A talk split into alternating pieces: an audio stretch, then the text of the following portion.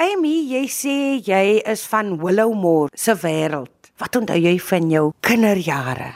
Is 'n eenvoudige wêreld baie gemaklik. Almal ken almal en almal is daar vir almal ook. Is lekker vir 'n uh, jong kind soos ek om te kan dink, om kreatief te kan dink en ek dink dit is ook waar my liefde gekom het vir vir teater. Uh, want ons het byvoorbeeld nog steeds daai kerkkonserte gehad waar jy uh, moes optree en ek dink dis waar ek eintlik my debuut gemaak het en my beste vriend Jefferson wat ook nou in die kunste is, daar het ons eintlik begin stories vertel. Dit is waar ek ook baie films gekyk het en dit my nuuskierig gemaak om uit Willowmore uit te gaan en te gaan sien wat is daar buite. En uh, dit is ook seker opgeëindig het in die FSA so op peer en maar ek is 'n Suid-Afrikaner So ek wil baie graag weer terugkom en ek het my ma gemis, my ma se kos gemis, my my kultuur het ek ge, uh, na verlang. Uh, ja, hierdie. Ek is baie bly dat jy teruggekom het uit die FSA sodat jy nie verlore is vir ons hier in Suid-Afrika nie. So gepraat van die verlore vir ons hier in Suid-Afrika nie. Jy het die dans van die watermeid geskryf en dit was te sien in die Baxter Theater in 2017. Was jy verbaas oor mense se reaksie daarop. Want mense het daaroor gepraat. Mense praat nog steeds daaroor en dit moet 'n vuur in jou hoed wees. Baie geluk.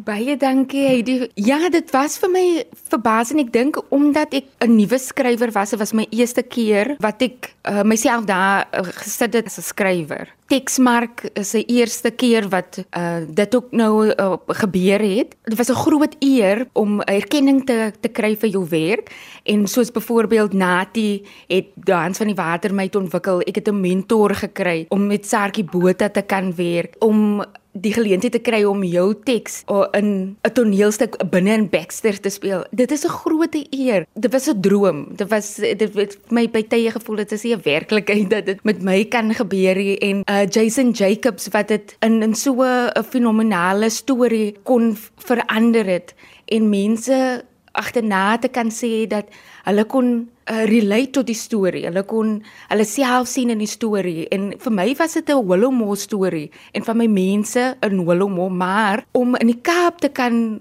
hoor dat die Kaapenaars voel dat hulle ook hulle self daarin kan sien. Baie mense kon hulle self daarin sien. Dis as jy 'n drama-onderwyseres in die tuine by skool, leef jy nou jou passie ook uit as onderwyser? Want nou het jy die geleentheid om kinders te leer en daai grondslag te lê. Hulle liefde maak vir byvoorbeeld die teater, liefde maak vir skryf, liefde maak vir die kunste.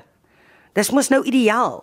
Wat vir my die lekkerste is is daai uitstappies na die teaters toe wat ek hulle neem.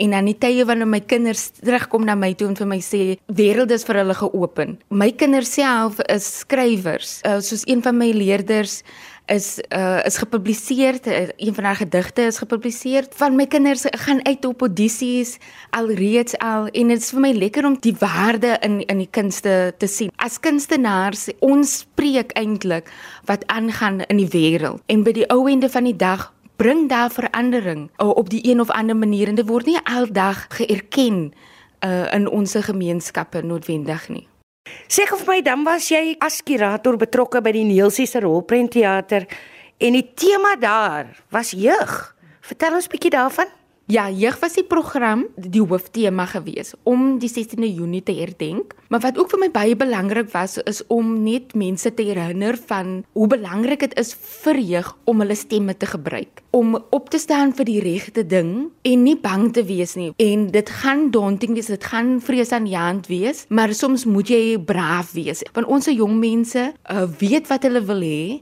en hulle weet wat is belangrik en hulle hulle self kan verandering bring. En soos byvoorbeeld The Hate You Give is hierdie film oor die uh, police brutality in Amerika. En uh, vir my my uh, leerders was veral versot op die hoofkarakter uh, sta uh, wat op die oomblik gekom het waar sy moes nou praat oor 'n uh, ongemaklike kwessie en sy moes uh, braaf wees om die stem te wees van haar vriend wat uh, vermoor is. Ek is by 'n meisie skool So dit was vir hulle baie belangrik om om ook daai vroulike stem ook te kan uitbeeld of of, of so aan. Wat vir my ook baie belangrik was ook was Vadersdag, want dit is ook in Junie maand. En daardie week was uh, net die verskillende vaders wat wat jy kry. Die vader wat uh, baie hands-on is, die vader wat werk. Byvoorbeeld um Everybody is fine waar uh, Robert De Niro se se vrou sterf en hy het nie 'n manier hoe om te connect nou met sy kinders nie en hy gaan op daai journey om om om weer te connect met hulle en vir hulle te sê maar luister julle sien hoe jy nie so julle kan maar julle probleme by my afpak. Daai tipe pa of of Jim Carrey se liar liar pa, die absent father wat 'n les leer en dan by die ou einde betrokke word by sy kind. Dit was vir my belangrik uh, dat dit uitgebeeld moet word in hierdie flieks. Soos ek hou baie van die idee dat die Neelsie span mense 'n kurator skryf van uh verskillende agtergronde. Dit was vir my uh, nogal dinamies. Dit wys vir my dat hulle het 'n sense of community en dat hulle wil van ons hoor wat ons wil kyk. Uh, dit was vir my 'n wonderlike ervaring en dit was net lekker om betrokke te wees by so iets. Ek sal definitief weer wil betrokke wees, veral by by die Nielsie span self. Hulle is 'n wonderlike groep om mee saam te werk, baie vriendelik, baie behulpsaam. So ek sien uh, verskriklik uit na die volgende films wat hulle gaan wys. Die Nielsie gaan terug op memory lane, soos ons uh, hulle het verskillende flieks wat wat speel soos When Harry Met Sally, Barry Lyndon. Dit is beskikbaar op die Neelsie Cinema 'n uh, wat is beskikbaar vir die maand. Jy het 'n kort fliek gemaak genaamd Amanzi en dat jy nou weer jou slag gewys as aktrise. Vertel 'n bietjie van die kort fliek. Ons het dit gedoen uh, so 2 jaar terug het ons geskiet op, op Bloemfontein.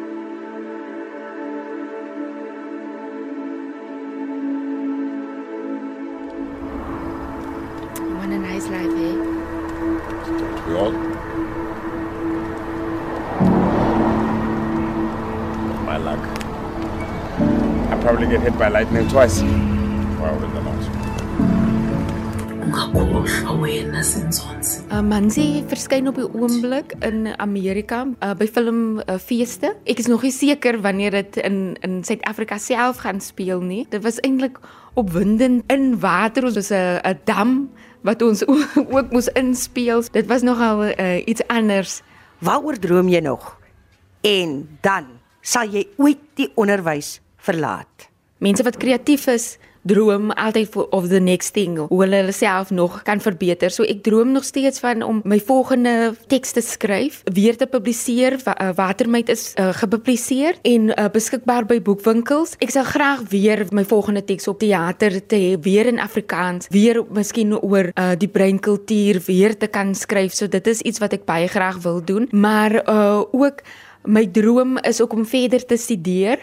Ek sal graag wil in administrasie met onderwys betrokke te kan wees soos in wetgewing in skole. So dit is iets waaroor ek, ek ook oor passievol is en nee, ek sal nooit die onderwys verlaat nie. Onderwys is 'n ander manier vir my om die wêreld te leer verstaan. En dit is waar ek my volgende stories vanaf kry. Maar dit is vir my wonderlik om saam met jong mense te werk, om te sien hoe hulle die wêreld verstaan, hoe hulle so verander van daardie graad 8 wat na die skool toe gekom het en onseker tot die graad 12 wat nou weet hulle gaan nou die wêreld nou gaan aanpak en hulle gaan dit nou gaan verander en hulle weet wie hulle is. En ek leer verskriklik baie by hulle om braaf te wees en alles is moontlik want dis so lekker van tieners ons groot mense dink twee keer oor gaan ek nog goed wees? Gaan ek nie 'n gek maak van myself nie? Maar tieners is hulle kan enigiets doen. En ja dis oomblikke wat hulle bietjie skaam is maar die oomblik as my leerders op die verhoog op gaan dan sien jy daai lig wat straal. En as hulle daarvan af afkom hoe trots hulle voel. Dit maak my hart bly